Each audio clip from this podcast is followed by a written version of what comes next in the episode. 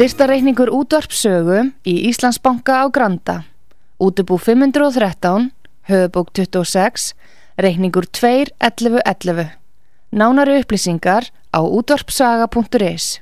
Takk fyrir stöðningin. Heimsmálinn í umsjón Pétur Gunnlaugssonar. Fréttir og fréttatengt efni af Erlendum Vettvangi.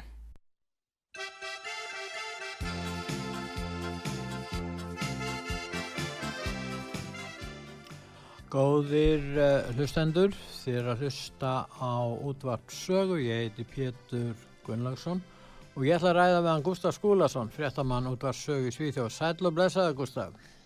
Já, kondunum var blessaði Pétur, útvart saga.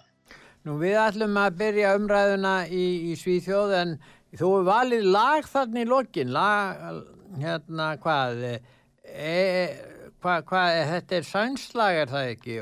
Hérna, Jú, en það er nú svona svolítið eins og það sé íslenskt nafnaðið því það er sem stjarnan uppa himmelen. Þetta er svona gama, gömul sænska sko. Já. Stjarnan upp í himnunum. Þetta er, þetta er svona lag um, hvað er að segja, löngun og þrá sem ekki verður hægt að svara og mér finnst það eiginlega að vera svolítið svona eins og tímanir eru núna. Já. En uh, við ætlum að fara allir Svíþjóðar en þannig að uh, það hefur verið mótmæli í Svíþjóð í, og uh, það hefur verið að mótmælendur eru að mótmæla bólupassanum sem að menn verða að sína við ákveðin tækifæri. Nú við hérna Það, það voru ímsi ræðumenn þarna í þessu mótmælum. Við ættum kannski að byrja á því að heyra hljóðbút með einu þingmanni sem kemur frá Rúmeníu en mættir samt í þessu mótmæli í Stokkólmi. Já, það er hérna Kristján Uh, Teres sem er ESB-þingmaður og hann týlir þessum uh, uppreysnarhópi á Európa-sambarsþinginu sem er að mótmæla þvingandi eða lögbóðu um bólusetningaskildu í öllu sambarsþingunum. Hann var hér og þessi fundur var, var sko hluti af heimshreyfingu. Þetta var, sko, þetta var núnum þessa helgi á laugadaginn og sunnudaginn og það er ekki bara í Stokkólmi. Það voru gríðarlega margir, það voru tíu húst mann sem að mætti henni í Stokkólmi. Það voru vísa átján, nítján sem búin að skrá sig á koma en, en sjónvarpið sannska og, og, og leinulörglan reyndar hæða fólk frá með því að segja að hérna kemur, myndi koma öfgahægri sinnar og nazistar og ég veit ekki hvað. En þetta fór allt saman mjög friðsamlega fram. Já. En við skulum heyra hvað, hvað Kristján hefur að segja. We have to be proud of our nation. We have to be proud of our constitutions and we have to fight for our rights. Is that correct?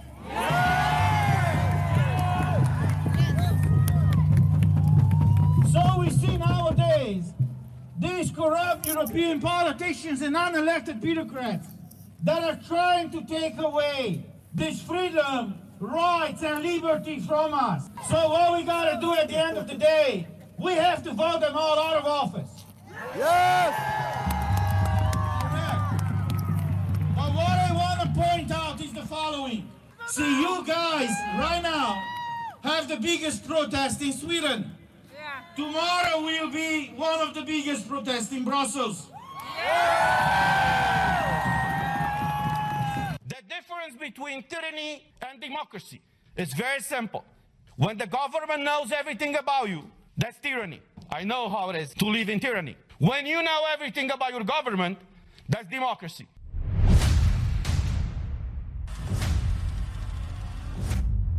We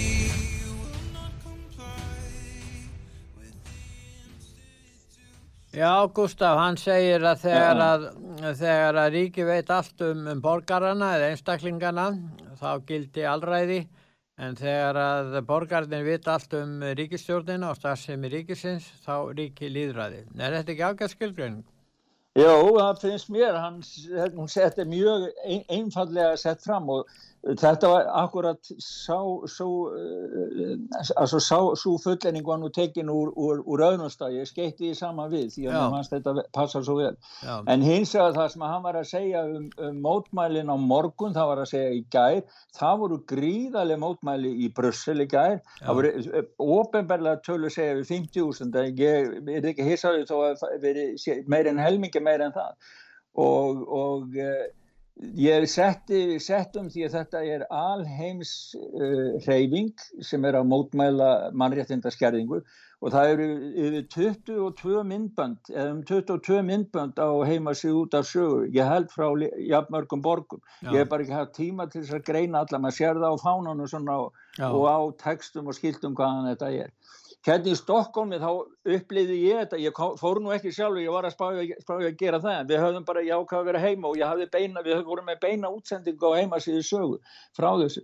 Og fyrir mig sem ég, ég uppliði ég þetta sem svona allsherja bara stóran uh, fjölskyldufund. Því að megin tímað hjá þeim sem að tölu hérna var það að við sem foreldrar Við höfum ábyrgagvart börnunum okkar að við skiljum ekki eftir skertara frelsjaldinu að handa þeim heldur um við höfum haft hjá, í okkar kynslu og eins og hún sæði kynninum á fundunum þá sagðum það. Það er miskilningur að halda það þetta að ríki, þetta með bólupassana já það er bara eins og það að fólk haldi það að það sé ríki sem að deila út frelsi Það er ekkert svoleis. Frels er eitthvað sem við höfum skapað sjálf og á að vinna fyrir okkur. Þetta er okkar ríki í líðræði ef að líðræði virkar. En það er aðtiklisvert, eh, Gustaf, að meðan verður þeirra aflétta höftum í það í álfunni, þá skulle vera, verið að innleiða bólupassa annar staður eða jafnvel að herða reglur um bólupassa. Það er svolítið sérkennilega mótsvögn, eða hvað finnst þér?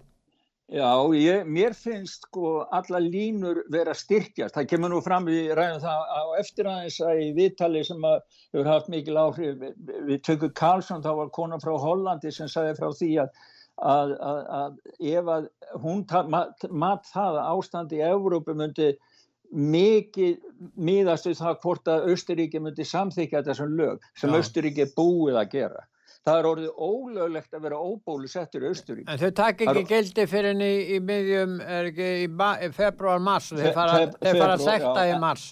Þá, já, já. En, en það er búið að samþykja það, sko. Það er það sem er. Þeir eru búinir að samþykja, það er ekki lengur neina umræð, það er bara þetta á að koma, skilja.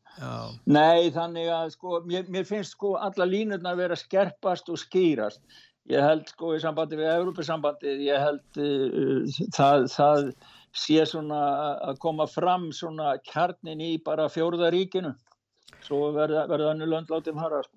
Nú hvernig er það? Nú hefur Svíþjóð verið tali lengi svona fyrirmyndaríki varðandi upplýsingar um sko starfsemi hins opiðbjörn á mörgu sviðum til dæmis að byrta réttar tölur frá ríkinu og nú er hins vegar deilt um það að dánartölur í Svíþjóðar að, að, að eh, það er spurningin um það hvort að þær séu réttar og líka hvort að fyrverandi hérna uh, smittsjúdóma sérfræðingur og sótvarnanlæknirinn hann Anders Tegnell hafi verið að blekka líka Hva, hvað er eiginlega að gerast þarna? Hefur þetta vakið aðtikli sérstaklega í Svíþjóð? Um Já, það hefur nú vakið tölver aðtikli verðin þess að miklar umræður gangi og, og sveitafélagin hérna út um all land er að senda einn leiðrætingatölu til líðheilsunar um það hverjir eru COVID-smittar og hverjir ekki. Nei, hann til dæmis Andris Tegnél, hann var á blagamannafundi nýlega og þá lagði hann sko út að það væri nú mjög fáir bólusettir sem að, sem að hérna e, vektust, það væri mest allt sem hann óbólusettir en það var einn miður hérna sem fóru kýlt á allar tölunar, þá komist það að því að það voru 70% uh, sem að voru sem sagt, uh, já sem að dóu skilur sem að dóu úr, úr COVID að það var 700 já af þeim látnu voru 529 bólusettir og 227 óbólusettir já, já. þannig að, að, að sko það er verið að reyna að gefa til kynna að það er alltaf verið að verja bólefnin og gefa svona falska mynd af því að þau virki mikið betur sem, sem vörðgegnum sem smitten sem, sem þau gera alls ekki. Og síðan þegar það var lítið á dánatöluðan Pétur það var mjög aðtiklisvægt og mér finnst nú, það verið gaman að sjá sípa graf um, um dánatölur á Íslandi. Já. að þegar maður setur graf alveg aftur fram til 1975 held ég að sé þá getur maður bara sett fyrir spurninguna hvar er faraldurinn? Því að það er ekkert sem sker sig úr. Það er sko 2021 þá letust 91.541 í Svíþjóð sem að voru um 6.583 færri heldur en árið 2020 og það eru bara nokkur hundur fleiri miða við miðaltar síðustu fimm árin þar segja 2015 til 2019 áður en að, að faraldurinn kom.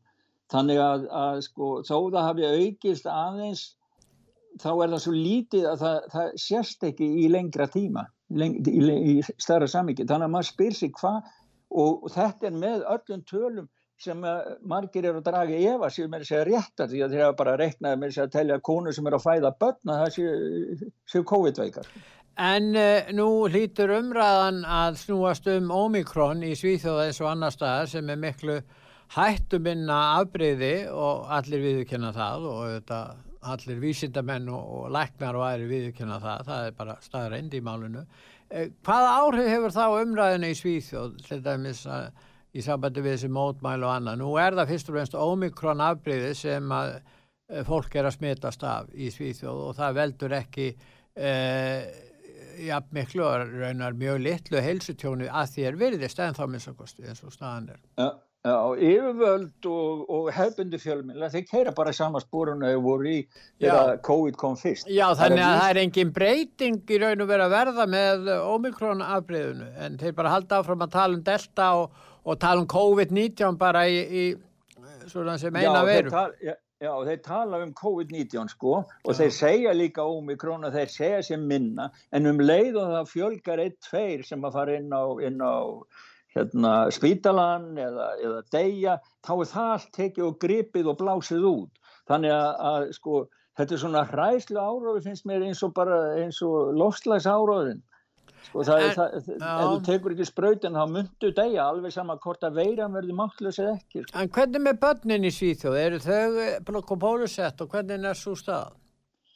Já, þeir eru að, að alla bólusetta börni hérna. Ég hef nú ekki fylst nái með því alveg síðustu dagana en Nei. ég veit að þeir, það stendur til sko og þeir eru að gefa gamla, gamla fólkinu núna fjórðispröytuna.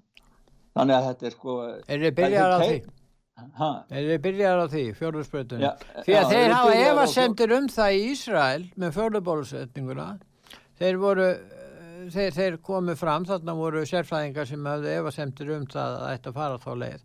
Eftir þá miklu reyn, eh, þá reynslu sem að Ísrael hafði, þeir hafði á sínu tíma bólusett uh, 250 manns með fjórðursprötunni, þannig að þeir hafði talsverða reynslu eða eitthvað til að stíðast við. En um, Samt er verið að bólusetja, segir eldri borgara með fjörðurspröðinni í Svíþjóð. Já, þetta er alveg makalög sko, því að þeir vita það að þessi bóluefni virka ekkert gegn ómikrón. Og það var samt sem að, sko, ég held að þetta sé bara samningu við Pfizer sko, og ég veit ekki hvort þeir fá borga fyrir hvert skamt sem að þeir koma út eða hvernig þetta er. En þetta náttúrulega er allt saman í samræmi við World Health Organization og maður tala nú ekki um stóra guðin, Xi Jinping, sem að segja að það er að bólusetta alla jarðabúa fyrir við mitt næsta sömar. Sko. Þannig að þetta fylgir því alveg. Já, en uh, við hefum nú rætt svolítið um, um ólögulega einflýtjendur í Svíþjóð uh, og við vorum að tala um hana Magdalena Andersson, fórsettisáþra, sem að tók þátt í því að, að ráða til sín ólögulegan einflýtjendu og borga ekki sanga taksta. En nú er það stopnarnir sem gera það líka, það, það er allir að spara líka og byrja stopnarnir, spara varandi þrifin, það menn byrja alltaf á sparnaði hjá ríkinu með því að taka fyrir skúringafólki og fólki sem er að stund, það gerist hér á Íslandi, það eru alltaf verið þannig.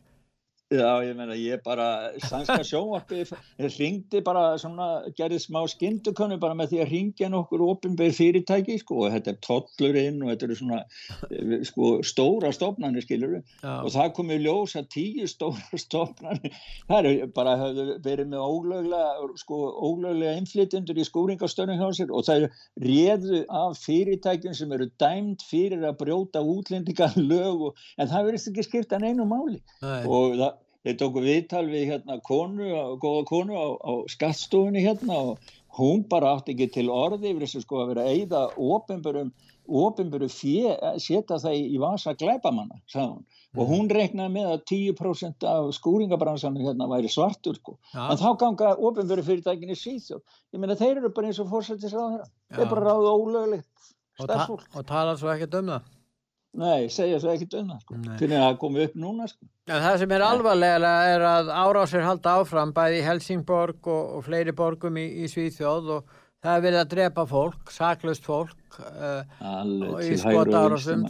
Ég sá með þess að rúfar með fréttum um skotarás í Svíþjóð, ég bara rökk við og það er nú fleiri færður að segja frá þessu. Já, já, kannski, já.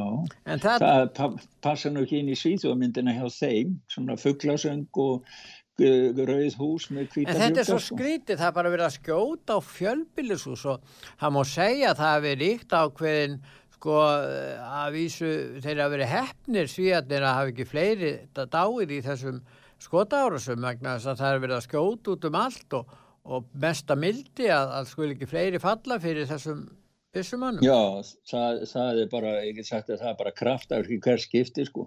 Núna það er myndaði þarna, þeir, það var bara einhver sem kerði og ég man ekki hvort það var snöfum morgun eða hvernig þetta var, það var allavega ekki margir á ferli sem betur við Já. og það eru sko myndir af svölum hérna á fjölbillishúsi sko, var, þeir voru að skjóta á eina íbúna sko, Já. bara hrínu á kúlum sko. En þetta, þetta eru aftökur líka, það er ekki, er ekki glæpagengin að, að taka svona aftökur, svona eins og aftökur. við þekkjum á Íslandi í rauðagerðismálunum Já, það er, það er ásýst að aftaka, já, já, það er bara aftaka sem við höfum ekki séð hérna á Íslandi, sko, það er alveg nýtt en, en það, mér fannst alltaf lítið talað um það í raun og veru, þessa aftöku þar, en það er annar mál. En þetta heldur áfram því miður í Svíþjóð og já, en, en hérna krafti, á sama tíma og, og, og hérna ábeldið ekst að þá mingar áhín á því að útbreyða fagnabóskap og tristidómsins sem er náttúrulega fyrst og fremst uh, og Uh, hérna, kenning gegn ofbeldi er, er baróttu gegn ofbeldi hvers konar ofbeldi?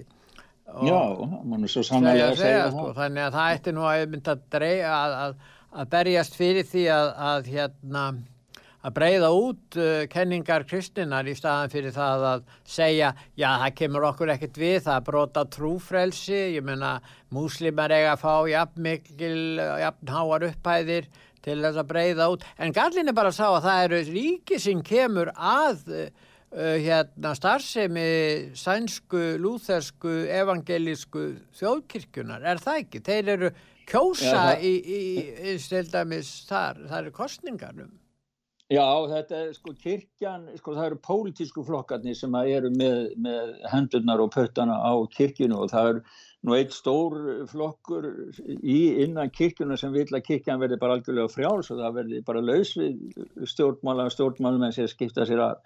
En En, en hins er það það að, að sko það var í sveitafélaginu Vangirið hérna í Smálandum hérna í Söður Svíþjóð það sem kom svo mikið að beinum inn til sveitafélagsins að þeir getur keift nokkra biblíur og lagt út á bæði bókarsafni og aðalega líka inn á svona hjúgrunaheimil og elliheimili það sem eldri, eldra fólk er og en þeir ákveðu bara að gera það ekki ég vildi ekki vera að sóa nefnum peningum í svoleiðs vittlus og að kaupa einhverja biblíu fyrir gammalt fólk sko. mm. og þetta er náttúrulega þetta er bara liður í þessari afkristni væðingu sem að mamma sér og á sama tíma þá kemur sko íslamismin á heimbóin þá verður hann, færi sig hann alltaf lengur og lengur upp á skafti sko. Já, já, já en hérna En ef við snúum okkur til bandaríkjana, nú það er að koma þar í ljós að eh, eignir eh, elítu auðvalsins tvöfaldast á, já, hvað, einu ári, á einu COVID ári. Það er ótrúlega í hlutur að gerast þar var þetta eignatilfæslur í heiminum og uh, þessir að tíu stæstu auðkífingarnir, þeir, þeir eiga líklega, sæðir, 200, yfir 200.000 miljardar íslenskra krónar sem þeir eiga. Já, ég, sko, ég get ekki einu sem lagt í það að rekna þetta. Það er svo mörg, það núli þetta eru triljónir og biljónir og ég veit ekki hvað sko. En þessi tíu einstaklingar þar sem ég, mér finnst þú aðtiklisvestir í lítið á þennan lista þetta er rétt eins og þú segir, þeir hafa meira en tvöfaldað Já, auðæfi sín á tveimur á þessum COVID-tíma. Og það er vegna þess að sko þetta er svona nokkur skona iSafe, þetta er eiginlega að vera FiSafe Já, FiSafe já. því að þeir ná í gegnum ríkistjórnin að komast þeir inn í skattapeiningana og tæma hýrslur og alla ríkiskassa já. Enda í Og góð, góðu sambandi við stjórnbólamennina já, já, gegnum, gegnum og, Davos fjöl, og fjölmiðlamennina. Þú sér Og- Elon Musk og, og, og, og Mark Zuckerberger og Jeff Bezos. Þú veit, þeir eru alltaf í fjölmiðlum. Það er ekki bara að þeir eru í, bóðum með stjórnmálamennunum, þeir eru alltaf í fjölmiðlum. Uh, annarkvort þeir eru að skjóta einhverju eldflögum út í heim eða guð má vita hvað þeir eru að gera. Þeir veit ekki hvað þeir eru að gera við peningana. Og hérna og, og, og, og tengslin er alltaf að verða verða meiri, en það heyrist á sama tíma ekkert frá jafnaðamönnum eða sósialistum, er það útdauður hérna þjóðflokkur? Ve- veistu það? Eru þeir útri, ekki útrýmingahægli er þeir bara dauðir hann Hva, hvað er þetta, eða dreymir, er, er draumur þeirra að verða einn af þessum auðkifikum, að þeir vegna um þjónkunar þá fáið þeir stóra móla frá þeim, er það hugsunin eða eitthvað? Er nú ekki við sem það að sé til Björgusson eða Baldi Jón Nei, nei, þeir, nei, þeir nú ekki, hann, það? hann komin, komin allt önnur tegund að jafnaðmönnum heldur Jón Baldvin og Sigvartur. Það er nú komin allt önnur gerð heldur þeir Já, voru. þetta er útþynt sko, þetta þetta er ekki lengur þessi gamla jafna Nei, nei, var, nei, sko. algjörlega. En hérna á þessum tíu mönnum þá er, finnst mér aðteklisverðt að fimm af þeim eru tæknimenn sko. Það eru, það eru tveir frá eh, hérna, Google, Já. Tveir frá Microsoft og svo Já. náttúrulega hann hérna, Zuckerberg frá Facebook. Já. Það eru sem sagt fimm af tíu sem að koma úr þessum sko, netrísum sko. En nýju nýju eru bandaríkjumenn. Þessi einn þarna í snýstu veru framleiðandi einhver í Evrópu, einhver, einhver í já. tísku bransanum. En, en, Já, þetta eru já. nýju, ég veit ekki kynverði hljóta að vera nálagt þessu líka, þegar þeir eru með mjög hölmarka hérna, miljardamæringa.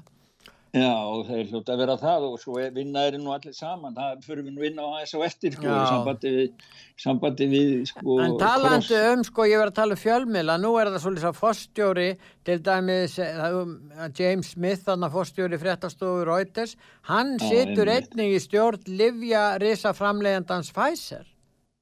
Já, heldur þetta sé, það var, það var mjög góð frétt um þetta á, á útarpi sögum daginn að það sem að sko, eigandalisti fæsir sér rakin og þá er, er, er ennabla komið inn á þessar, þessi stóru fyrirtæki eins og BlackRock og Vanguard. Já. BlackRock, þeir Já. eru með sko, uh, fjár, þeir stjórna fjármagnum bæði fyrir Microsoft og Facebook og það eru cross-egna tengsl í öllum þessum fy- fyrirtækjum, það eru Microsoft, Facebook, Apple, Google og Amazon Já, og sko eins og þetta að forstjóri, hvort það var forstjóri eða hver það nú var frá byrju, jú, James, James C. Smith forstjóri fréttastofi Reuters Já. situr í stjórn Fæsis já, já, hann gerir það. og, og, og, og, og þannig geta þeir stjórna sko, þeir rítskoða, Já. koma að byrta Já, og byrta bara það sem að þeir vilja og, og þannig hafa þeir stjórn á öllu sviðinu sko. Þetta fólk verður nú að fara að sjá í gegnum En- en, þessi menn, þetta er ekkit lengur spurningum frjálsa samkeppni eða neitt svoleiðis. Þeir eru farin að stjórna bara skera niður tertuna alveg fyrir sig sko, og tálka bara af og henda ruslinu í, í, í, í aðra sko. já BlackRock til dæmis, er Já. það fyrirtæki á Vesturlandum sem, eh, BlackRock er sennilega stærsti fjárfestingar uh, vogunarsjóður sem til er. hafi, og þeir hérna, þeir hafa verið að fjárfest í Kína núna þrátt fyrir samdrátt þar þannig að þeir sko eiga mjög mikil ítök þar nú AT&T og síðan er það eins og segir Vanguard og, og þessi fyrirtæki eru á kafi að kaupa fjölmiðla. Já, og, og, lána já. fjölmiðlum. Og hérna og svo er þeir náttúrulega í bankaviðskiptum og svo er það er svona þeir þól ekki, þeir þól ekki uh, sko, stöðun eins út af sögu þess vegna fænn út af enga styrk. Og þeir þól ekki fólk sem talar og hugsa og talar sjálf sko, hugsa sjálfstæð sko. Og það, sérðu nú hvað þetta er nú hættulegt eins og til dæmis með Reuters. Þeir voru búin að byrta áður það er einhvern sérstakur uh, mjög sjálfgjafur sjúkdómur sem kemur út á húðinni eins og hún brennur og flagnar og þetta á og þeir segju nei, nei, nei, það verður aldrei nokkuð tíma neitt slíkt sem aflegging af því að láta bólusetta sem er Pfizer. Þetta var Reuters búin að breyða út um allan heim. Núna kemur tilkynning frá læknum í læknari, læknariti að það er einmitt eitt svoleið sjúklingur sem er sannað að hafa fengið svoleiðis áhrif eftir að vera bólusettu með Pfizer. Og, en þeim tókst nú að bjarga, þetta er mjög, þetta er mjög sjálfgjáfi sjúkdómi, þeir sögðu frá því, hann jafnaði svo 20, en ég setti mynd á sjúkdómi, þetta er alveg hræðilegt, þetta er hræðilegt að sjá En þetta. þarna kemur inn á, á hérna mál sem er allt og lítið að tala um. Það er að segja að ítalega fréttir, ítalega nákvæmar og áralega fréttir um tölur af sjúkdómum eða sjúklingum sem hafa verið að hérna, þjást af aukaverkunum vegna bólefnana og ræða þá sjúkdómsgreininguna og batahorfur og tölurnar, það er bara alls ekkert gert. Það er ekkert fjallað um aukaverkanir vegna bólefnana. Það er bara ekki Nei, gert. það- er verið að má- tilkynna hér á Íslandi þúsundavís og Já. alvarleg tilfelli eru hátt í 300. Og hvað Já, vitum við um þetta þetta? Það er ekki talað um þetta. Það er bara sagt að það er vafasamt að það sé eitthvað orsaka samhengi þar á milli, Já, bólefnana og, og svo. En það, það er ekkert fjallað um þetta og, og það er það sem að gera þetta eh, vekur upp tortrygni á mönnum. Akkur fjallaðir ekki um þetta sérstaklega? Já, það er engur líkar heldur en bara að, að ríkisvaldi sem hefur gert samningar við Pfizer hefur gengist undir það og, og fengið fjölmjölan með sér í það að það megi ekki gaggrína Pfizer. En ef þetta er rétt, ef þetta er rétt, segjum svo, ef þetta er rétt og eitthvað til í þessu, og þetta virðist vera mjög einkennlegt, að, að eitthvað til í þessu að þeir reyna að hérna réttskoða þessar fréttir, getum við þá treyst, Gustaf, því sem kemur frá helbriðisöfuvaldum, tölum í framtíðinni, getum við treyst þessu þegar að þessi hérna, helbriðisöfuvald í þjóðríkjum lúta stjórn risa livjaframleðanda. Erum við komin á það stig sem njóta stöðnings alheims hérna, uh, fjölmiðlana? Og hva, hva, hvernig nefnum að verjast því? Hva, almenningu vill Já. trúa því að hægt sé að treysta bæði alþjóðlegum helbriðisiföldum eins og uh, alþjóða helbriðismálastofnunni og ég tala nú ekki um helbriðisstofnunni hér á Íslandi, menn vilja trúa því. En hvað gerist ef að þeir eru að taka þátt í, í að reyna að fela Já, já. Ef, ef að þessi þróun heldur svona áfram þá eru þessi óbyrberu stóru fjölmila þá verða þeir pravda morgundagsins. Það er að segja að sannleikunni sem segir bara þessa skoðun sem að kemur frá rétta aðilunum og í dag benda alla leiðir á kýminska kommunistaflokkin sem er eini rétti aðilin og verður eini rétti aðilin í heiminn. Eh, Ég held að við, við séum á svoleiðis vegbröð því miður. En það er bara verður með práta vegna þess að, að núna á sínum tíma þegar að rússarnir voru að reytskoða hjá sér og, og fela ástandi hjá sér í Sovjetinu, þar að segja, og, og Solzhenitsyn og Sakharov og aðrir gáttu þá og heimsbyggðin fyldist með því, margir fréttamenn, hvað var að gerast þarna. En núna getur enginn srísið upp gegn þessu því að það eru alla ríkistjórnir me að meira að minna leitur sem taka þátt í þessu. Þannig ástandið er miklu verra núna heldur en þegar Sovjet voru, Sovjettímin var, þar að segja, varðandi Já. upplýsingar á heimsvísu. Það er að vísu góðu punktur í þessu, eh, sko ljóspunktur í þessu sem eru allar þessar breytingar sem er að skeja núna tæknilega breytingar með nýjum, með nýjum uppum, með nýjum, eins og til dæmis Telegram, ég, ég er álega öllum að fara þar inn, það, það, það er líka upplýsingar og koma gríðarlega upplýsingar sem eru auðvelt að hlaða niður og fylgjast með, en það vilja þís, þjóðverjar, þíska ríkistjórn, en þeir vilja banna Telegram. Og svo til dæmis, sko eins og til dæmis núna, Robert eh, hérna Malone, hann hérna eh, sem fann upp hérna mRNA og hann, hann, hann fær að tala á svona miðlum. Og hann, er bannaður ofinberlega á þessum rétt trúnaða miðlum. Og það var nú að koma mjög gott frá honum því að hann var að, hann var að koma núna með, ef ég má fara yfir í það skilur, Já. að koma með sannanir sannanir um ívermekting sem eru óhrekjandi sko.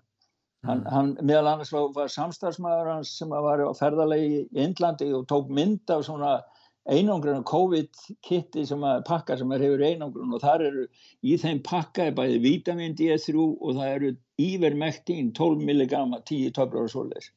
En það, eru sönnunar um það að það er Uttar Pradesh uh, uh, stórt sagt í, Finnla, í Indlandi uh, eitt stærsta svæði í Indlandi sem hefur 241 miljón, miljónur íbúa að þeir hafa læknað COVID-19 alltaf 98,7% og það er að takki fyrir ívermekting.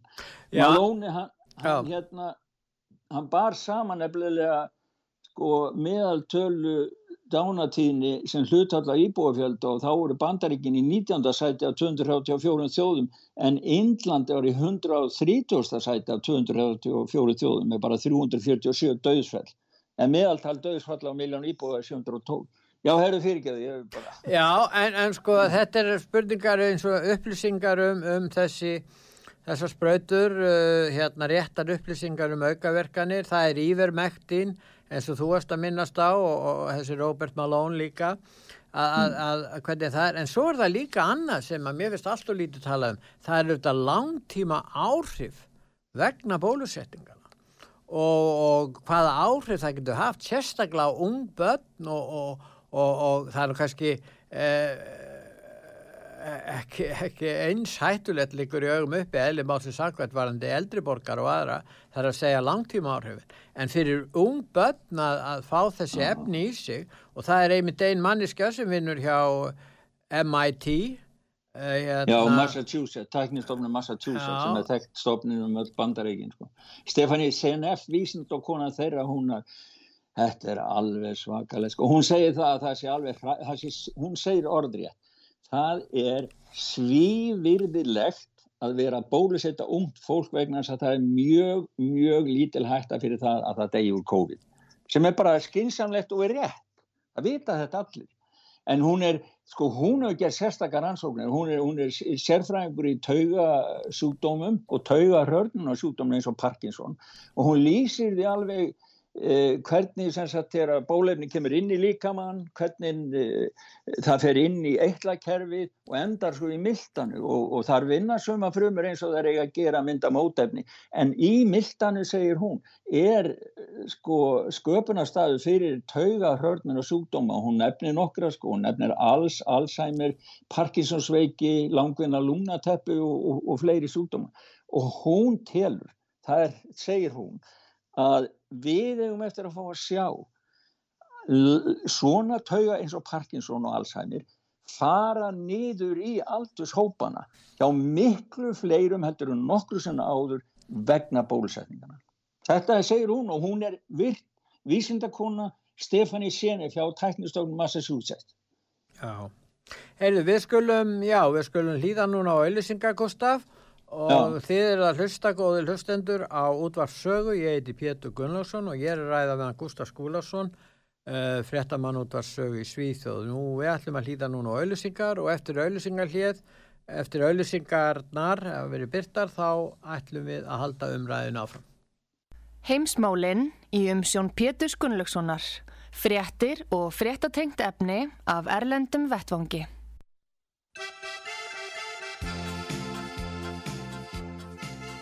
Góðir uh, hlustendur, þið er að hlusta á útvarpsögu, ég heiti Pétur Gunnlaugsson og ég er að ræða við hann Gustaf Skúlason í Svíþjóð.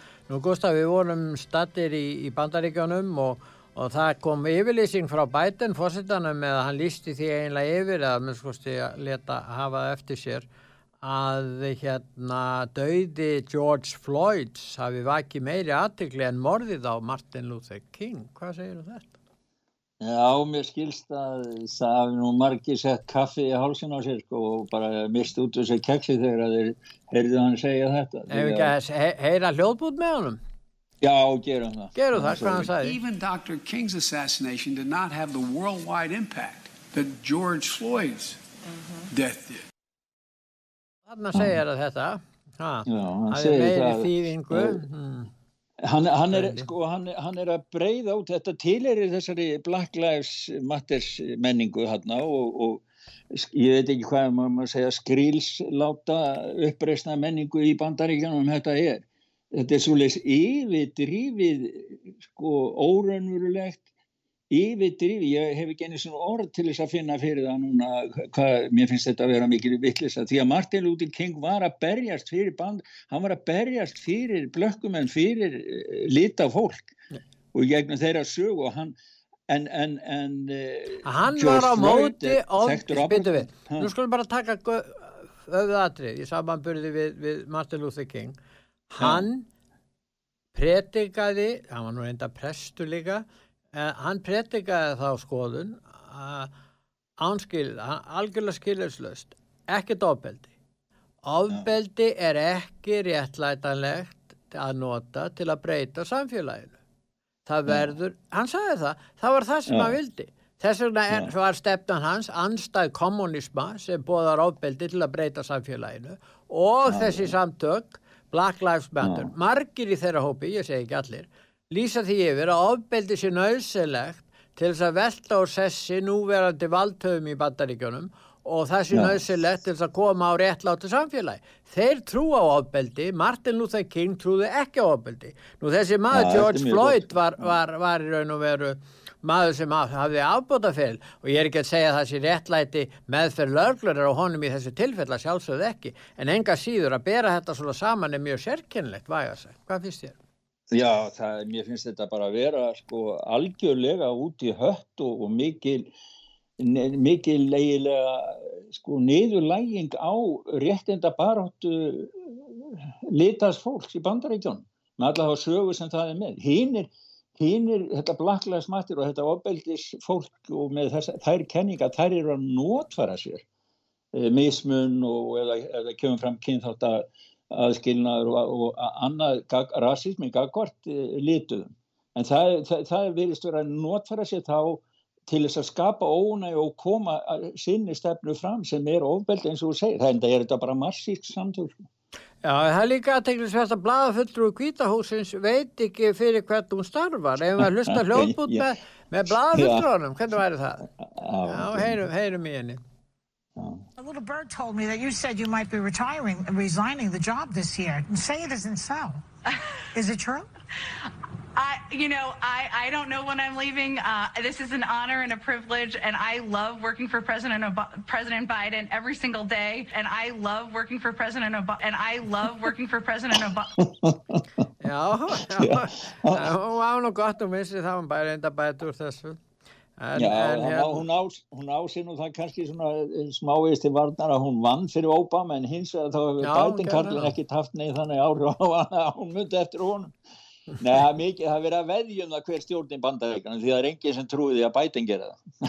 Þannig að flesti, flesti veðja á Obama séu baku. En síðan er það spurningin um hvað er að gerast í Úkrænu og nú í dag klukkan þá munna Artur Ræðu Haug Haugsson, hann er nú stættur í, í, í Rúslandi. En, en það er Harvard-professor sem segir að það sé ekki við Pútín að sagast. Ástand í Úkrænu er vegna þess að það er ákveðin öfl í Bandaríkjunum og Evrópu sem að hérna eru með óraunhæfar kröfur á hendur þessu fólki í Östur-Evrópu. Hvað segir um það?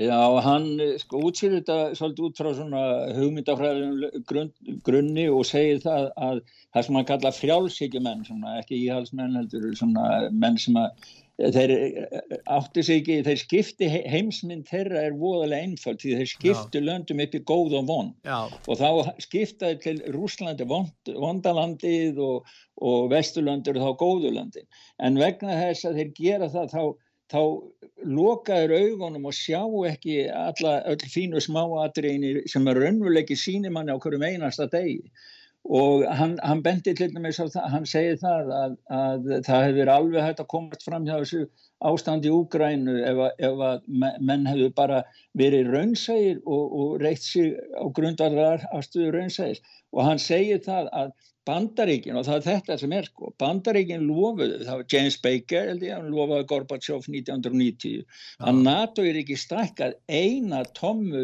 sem sagt austur, austur. En, en sannleikurinn er sá að, að núna öllum þessum árum setna þá eru öll Varsjabandalags ríkin 14 stykki komið til viðbótar inn í NATO þannig að sko þetta loford sem rússum var gefið þegar að vera að samina Östu Þískaland og, og við Vestu Þískaland mm. það hefur sko hafa Vesturland ekkert fyllt eftir mm. og svo segir hann líka að hann er að ásaka bandaríkjamennum það og þessar frjálslindu menna þeir gera sér ekki grein fyrir hver tengsl Úgrænur mikilvæg fyrir hagsmunni Rúslands því að það eru hagsmunni sem að maður verður að skilja rúsar eru tilbúin að beita valdi til að verja Já, en nú er það líka sérfræðingur í málöfnum Rúsland sem heldur því fram að fósiti bandaríkjana sé raun og vera að draga bandaríkin út í einhvers konar tilgangsleg stríð við Rúsland. Það er náttúrulega svolítið uh, stert að segja það, það er nú ekki kannski komið en, en það er ljóst að bætin hefur líst í yfir að hann telja rússar munu ráðast inn í Úkrænu síðan var nú eitthvað að draga úr því ég veit ekki almenna að þetta er alltaf mjög slemtir að fósiti bandaríkjan er að gefa út svona glannalegar yfirlýsingar.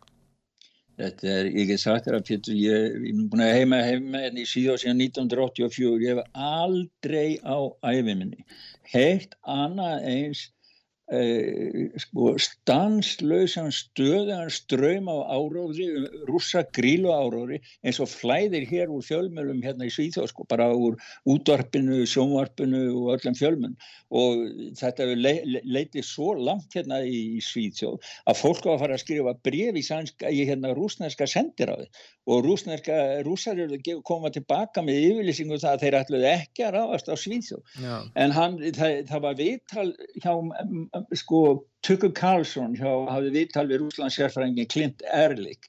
Já. og það má segja það að það viðtal eh, hafi bara sett bara bandaríkin á annan enda því að hann segir það að eh, sko við erum að fást við okkar eigin strísæsingamenn á ábyrgt fólk sem getur orsaka dauðans alvarlegar afleðingar Já og þeir lýsa sér gjarnan sem kaldastýrsmönnum en svo bendur hann á það að höfundurinn að stefnu bandaríkjan í kaldastýri George Kennan hafi einmitt vara við því að stækkun NATO gæti dreyið bandaríkjan í styrjöldi Rúsland Já. og hann telur að, svo viðvörun sé staðfest og hans er staðfest núna og að bandaríkjan sé á heljar brún slíkra átaka. Og hann spyr eh, sko, hversun á að vera að hlusta á svona áta fólk og hann sagði það að NATO hefði genið svona áhugaði að Úgræni myndi ganga í bandalagi því að það er svo mikið spilling í Úgrænu og e, það er meira ábyrð með land með slíkri spillingu heldur en það getið nýst í hernaðilegum tilgangi.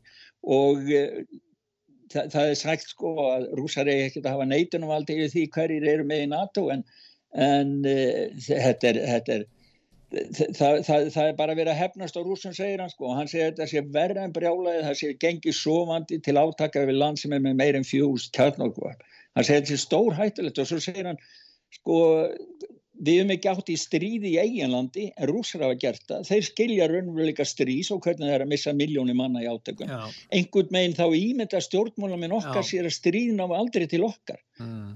og svo segir hann við, við tökker fólki sem við elskum, það er í hættu það er bara alveg ótrúlegt að sjá að þetta skulle vera að gera, segja En allir skýringi sé bara, við getum kasta fram um, ákveðinni staðhefingu um að BlackRock á mörg bref og, og hérna ítök í herrgagna fram, framleiðendum framleiðslum, ja. þannig að það er nú kannski skýringin á því hvað er að gera svona því að alveg, eh, því að Abel Hóta brjótist ekki út stríð þá er það ljóst að þessi ríki og bandaríska ríkistjórnin er að kaupa í vopn frá hergagnaframlegendum í stórum stíl og þessi stóru vogunarsjóðir og fyrirtæki sem að eiga þarna og alveg hlutabrjóðsjóðir eins og þetta stæsta fjárfestingafélag sem vorum að ræðum áðan BlackRock sem já, er á kafi já. fjárfestingum í Kína út um allan heim þessir aðlar er náttúrulega sko þeir líta engöngu á hagnaðatölunar Já það er ekki sko það er ekki þjóðin, ugrænska þjóðin það er ekki bandaríkjaman það er ekki einstaklingarnir sem þjást og deyja í styrjöldun sem skipta máli. Nei, nei, það er ekki þeir sem að standa bakvöld núna er NATO komið með herskipið inn á Eistrasalt, tvö risastór herskipið inn á Eistrasalti sem ég held að geti skotið svona tómahafk eh, á, le á Leningrad. Já, bara beint á Leningrad Já, og svo er... Já, svo fyrir ekki að leiningra Pétursborg, það er nú rétt að nefna það. Já, Pétursborg. Og svo, já, það er nú saman. En, en svo, sko, það er búið að dæla, verið að dæla inn vopnum. Bandaríska sendir á, nei, hérna, bandaríkska utanríkisráðum og segja við bandarík, starfsmenn, allra sendir á starfsmanna í, í Rúslandi að koma heim, það er núna í dag sem það skeður. Og svo eiga aðri bandaríkamenn í Rúslandi að taka farþegar vélar svo lengi sem það er hægt. Það er hafi verið að dæla inn vopnum í gríðalegu magni, ekki bara inn til Úgrænu, heldur allt í löndunum í kring. Það eru þúsundir bandarískir hermenn að koma til Eistrasaslandana. Þannig að ég menna, það sjá allir, það sjá allir hvað er í þarf, ég, ég met ástandið þannig. Það hefur komið fram yfir no return eins og maður segir þegar að vera að hleypa flugur upp í loftið. Það skiptir engu máli. Hver skýtur fyrstu kúlunni?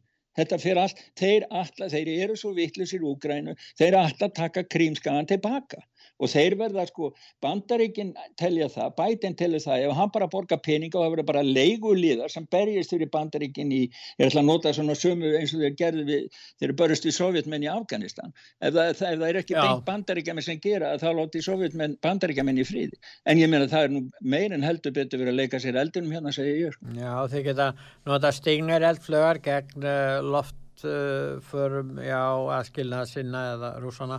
Það getur ýmislegt gerst eins og segir, menn það sko. En, en uh, ef við sko uh, spyrjum, þú, þú varst að tala um Svíþjóð og Rúsland og, og rússarnir hafa líst í yfir og, og sendir á þeirra og, náttúrulega þeir hafa gert það fyrir hönd Rúslands að við munum ekki ráðast á Svíþjóð, það er yfirlýsingin en maður spyr þá, spurning, fyrsta spurning er þessi, af hverju ættu rússar að ráðast á Svíþjóð? Já, þetta er bara svo, þeir hafa enga, ég meina þetta er Ætlaði þeir að hernema, ætlaði þeir að koma upp leppstjórn í Stokkólmi, heldur þú það? Eða kannski í Malmö, þeir geta aðeins svo mikið af hérna, hælisleitendu þar, kannski geta þeir sami við þá að koma upp ykkur leppstjórn, aðsettur í Malmö, hvað finnst þér? Já, verið? mið- miðað við þessa kratarstjórn sem við höfum hérna sem er að leipa öllum glæpamælum alveg upp í rjáfur og þá kannski væri betra að vera bara með einhverja Nei, rússneska sko, þeir verða að svara því, þessi sænsku hérna, stjórnmála, en af hverju ættu rússar að ráðast á Svíþjóð? Af hverju? Já, það, það, það, þeir svara því aldrei. Þeir segja bara að rússin er að koma og ræða alla í skó. sko. Og allar er að senda þá sjóherri yfir Eistrasaltið og landherr, hvernig er allar þeir að fara að sko Allar að nota hermönnum niður til fallífa herdeildir til að dreifa yfir Svíþjóð og, og taka landi þannig. Meina, Já, ég veit ekki, nei, þeir hafa nú verið sko með, rússar hafa verið með aðflugsæfingar stríðstóta, það komu fyrir páskana en það verið nokkrum ári síðan, það mikið vakti mikla eftir text sko og þá miðuð þeir á einhverja uh, herstöðvar eða það sem er hergugnir geimt í Svíþjóð sem við vitum sko herbyrðir fyrir Já. sunnan Stokkólm held ég Já. var mikið tala um það þá en það er bara þetta er eitthvað það er alveg einhverju gamalli hræslu síðan sko fyrir hundruðum áran síðan sko um, um rússana sko. Byrjun, Svíar átján, voru nú byrjun ekki betri átjándu sjálfir. aldar styrjaldir rússa og svíja í byrjun átjándu aldar Já, og ég meina Karl Tólti held að hann, þegar hans stóru veldi þá Já. náði hann nú yfir til rússana líka. En Já, hins vegar, sko, þetta er svo geðveikt það er ekki, bandarinska þjóðin stiður þetta ekki, það var nýlega verið gerð sko, gríðarlega mikil könnun í bandaríkjónum um afstöður til þess að hvort að bandaríkjaman ætti að fara ef, að rússa myndi ráðast á Úkrænu það eru 84,8% eða 85% segja sem að það er ekki að gerast það eru bara 15% í bandaríkjónu sem stiða ef bandaríkjaman eru spurður um Tævan ef Kína ráðast á Tævan þá er, um, er það næstu þverjöfugt það er meiri huldi bandaríkjamanna sem að myndi stiðja Tævan og segja við skulum senda strákan okkar þangað Þannig að það er sko bandaríkjana, þeir vita, venjulegt fólk í bandaríkjum, það skilur þetta miklu betur heldur en nótt í þeir sem eru í kvítahúsin. Já, já, það er mann að búa sér því. Já, heyrðu, en við nú ímislegt í, og náttúrulega þetta sem við erum að tala um Úkrænu, það er verið að einlega undirbúa það líka, stjórnvöld þar er að hvetja hérna, fyrirtæki í, í, í Úkrænu að undirbúa sig undir stríð. Nú ef við förum til Þískalands, nú þá er verið bólusettingarskilda á þinginu, það, er, það kemst ekki inn í þinghúsi nema sína passa, er það ekki rétt? Jú, og það er verið að ræða um það sko því alternativ fyrir, Deutschland eða valkosti við Þýskaland. Það fer, len- lendir á þeim því að margir af þeim eru á móti eh, bólu, bó- bólusetningu og eru óbólusettir. Þannig að þeir fá ekki að koma og það var óljós hvort að þeir geta þá komið inn, komist eða greita atkvæði. Þannig að líðræði kannski verður sett, verður bara vikið til hlýðan með þessu sko. Já, og ef við snúum okkur til eh, Davos eða, eða þessara hérna, það sem er að gerast þar, það er spurningin um hvað er að verða um líðræðið og það var nú skrifuð ítali grein hérna í á vefsíðin út á saga.is og það sem að verður er að lýsa því hvernig samráðsfundir risafyrirtækja og stjórnmálamanna eiga sér stað í Davos. Já. og mjög góð greina svo sem er svona ítalegt bakgrunnsefni fyrir alla sem vilja kynna sér máli hvernig, hvað þetta Davos er og World Economic Forum er. já, já, Og svo ég, ég skrifaði smá grein líka um það því þeir hafa verið með ráðstöfnu núna og hver heldur hafi sett og opnað ráðstöfnun og, og lagt upp uh, línuna fyrir heiminn? Jú, það var Xi Jinping, aðritar í kynverska kommunistaflokksins. Já. Hann er látið hann opna ráðstöfnun og svo eiga allir, allir á Vesturlundu stjórnmála að setja og klappa fyrir hún. Og hvað var það sem var mikilvægast að gera í heiminum í dag samkvæmt Xi Jinping? Jú, það er að bólusetta alla jarðabúa fyrir miðsumar. Öll börn og alla. Já, en, en nú er það þannig að þeir eru svolítið hrætti við að þeir, þeir eru ekki bara á móti líðræði vegna þess að það samræmist ekki stefnu þeirra, þessir World Economic Forum, heldur líka vegna þess að þeir eru ekkert vinsælir hjá fólki almennt, þannig að þeir myndur nú ekki Já. fá mörg atkvæði í kostningum, en ef að hlusta hljóðbút sem við með fjallar um þetta. At Davos a few years ago, you know, the Edelman survey showed us that the good news is the elite across the world trust each other more and more. So we can come together and design and do beautiful things together. The bad news is that in every single country they were polling, the majority of people trusted that elite less. Já, Já. leilitan stendur saman og, og, og það er meiri samrunni hjá henni, þeir gera sér grein fyrir því, þeir verða að standa saman en þeir eru þeir nú ekki margir. En uh, mikill meiri hluti eða meiri hluti í öllum, öllum ríkum og skoðanakonunum bendi til þess að fólki er nú ekki hrifið af þessari hérna, valda samruna sem er að verða á milli stjórnmála og kaupsíslunar og, og, og alþjóðlegu auðringana. Já, og hvað segja þér þá? Þá segja bara, þessi ömurlegi pöpull er bara ekki að skilja hvers konar dásamlegar verum við erum. Já, þeir skilja það ekki að besta eigi ekki neitt. Já, það er nú Þeir, það. þeir, þeir hugsa ekkert um annað en að eignast eitthvað meira og meira. Fá Já. meira og meira völd. Og svo segir ég affrætt, menn eru fyrst og fremst hammingusamir eða eigi ekki neitt. Mikið lifandi skelvin hlóta þeir að vera óhammingusamir með alla þessar eign Já, ég meni að vera eitthvað að marka þetta fólk já. Þetta er Já, þeim ótrúlegt. líður illa sko, en það er náttúrulega það bara, þú veist, þetta er eins og með þessa stóru risa, kommunista risa, hérna, það er bara, allir einstaklingar, það er bara grái massin, sko, það er bara fjöldin, þetta er bara ömulegt, skilur, þetta Já. er ekkit okkar við, sko. Við hérna, elitan, Já, sko, við erum ég get sagt þér það, Gustaf, ef þetta væri einhverju yfirburðamenn sem væri þarna og ef hann væri einhver súpermann, þessi Klaus Schwab og þetta lið. Þá myndir menn kannski segja, já, já, það er kannski ekki vittlust að láta afburðamenn stjórna heiminum. En þetta eru bara, bara velnjur auðlar sem njóta og misnota aðstöðu sína og einogunastöðu og er að ná saman gegnum þetta. Það er ekki er, al- ég er, ég er alveg búin að komast á því sko að þetta New World Order eða þessi nýja heimsregla þetta er ekkert nema gamla kommunista lumman sem að vera að koma að tróða á heiminn í dag þetta er bara nákvæmlega sama eins og þeir voru að gera hérna þeir voru með Socialistiska Internationalin þegar Lenin Já. og Stalin voru uppi Já, já, þetta hefur ekkert breyst nei, nei, nei. En að það það bara má ekki kalla má ekki segja og setja það mála allt í einhverjum felulitum þá eru þeir sem segja það sakaður um ofstæki. Ekki þeir sem er að framkvæma þetta, þeir fá vera í friði, en þeir sem lýsa þessu með réttum orðum, þeir eru sakaður um ofstæki. Sérkennilegt. Já, þetta er bara nýja réttrúnaðin sko. Já, en nú er að, hérna, það sem er að gerast í Sýrlandi og Írak, eh, það sem að ISIS er að fæðast að nýju núna. Það er alveg ljóst Já. að, að þeir eru konur á stað, þeir eru að reyna að frelsa, svo, frel, eh, það sem þeir kalla frelsa fanga, það er að segja ná fleiri hendaverkamönnum sem siti í fangelsum þarna eh, í þúsundatali, þeir verða að ná þeir til þeirra og þeir eru byrjaður að, að berjast fyrir því að, að opna fangelsin. Þannig Já, að, enginn getur gert neitt fyrir stverðan. Nefnum að kurdarnir, þeir hafa staðið sér vel, þá, það stiður það nánast enginn. Og þeir eru einir að berjast við þá.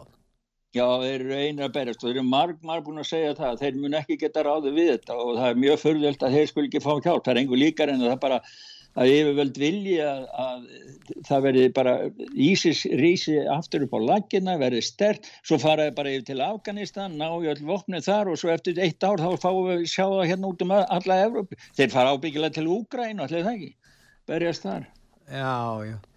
Nú, Nei, það, já, við förum nú að ljúka þessu en það er náttúrulega ímest að skip, pólverjarnir verða að borga sektir vegna þess að Evrópusambandi tekur ekkert mark á dómskerfinu í Pólandi og hafnar því að, að pólverjar eh, séu náttúrulega hafi fullveldisrétt í, í réttafars og, og málum sínum.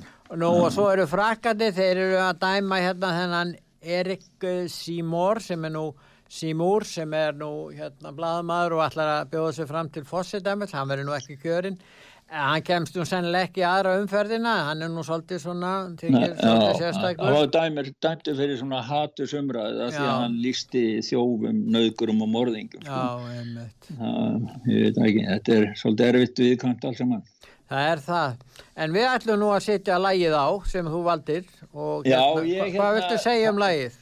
Já, nei, ég vil nú segja um þetta lag, þetta er svona þrá og blandin söknuð. Þetta eru Karlakórun í Uppsala sem ég volar hefna af, þetta er eins og Karlakórun fóstbræður hérna í Sænskirkú Já. og svo syng, syngur með þeim uh, söngkona, hún heiti Janet Kern og þau, það er hort upp, það er, maður sér, sér skýra stjörn á himnunum og maður langar til og, og stjörnuna langar til að fara heim og maður langar til að eiga tíma með vini sínum sem að maður getur aldrei haft og af því þegar tímannir eru orðni svona eins og þeir eru þá veit maður ekkert hvað morgundagurum ber í skauti sér. Þannig að maður á vini fjarlægu landi þá veit maður aldrei hvort maður getur hitt hann aftur. Þannig að, ég, þannig að þess vegna svo varum við að líka út af því að við vorum með smá frétt hérna um kýri í Tyrklandi að bóndi sem setti svona síndar veruleika gleru og það er á, á, á kýrnar og það eru, eru bundnar á básum og horfa á grænar engjar í gegnum þessi gleru og mjölka betur og er það ekki bara akkurat það sem að þessi elít er að gera við okkur Jú. við hefum bara að sjá, við hefum að vera eins og þú segir Pétur, við hefum ekki að eiga neitt og við hefum bara að vera hamingisum og leiða þessi gleru frá Kína Já, við meðum ekki eiga síndagleru, við verðum að leiða þau. Já, við hefum ekki að eiga þeim Herðu, við skulum hlusta á lægið eins og stjarnar á himnum.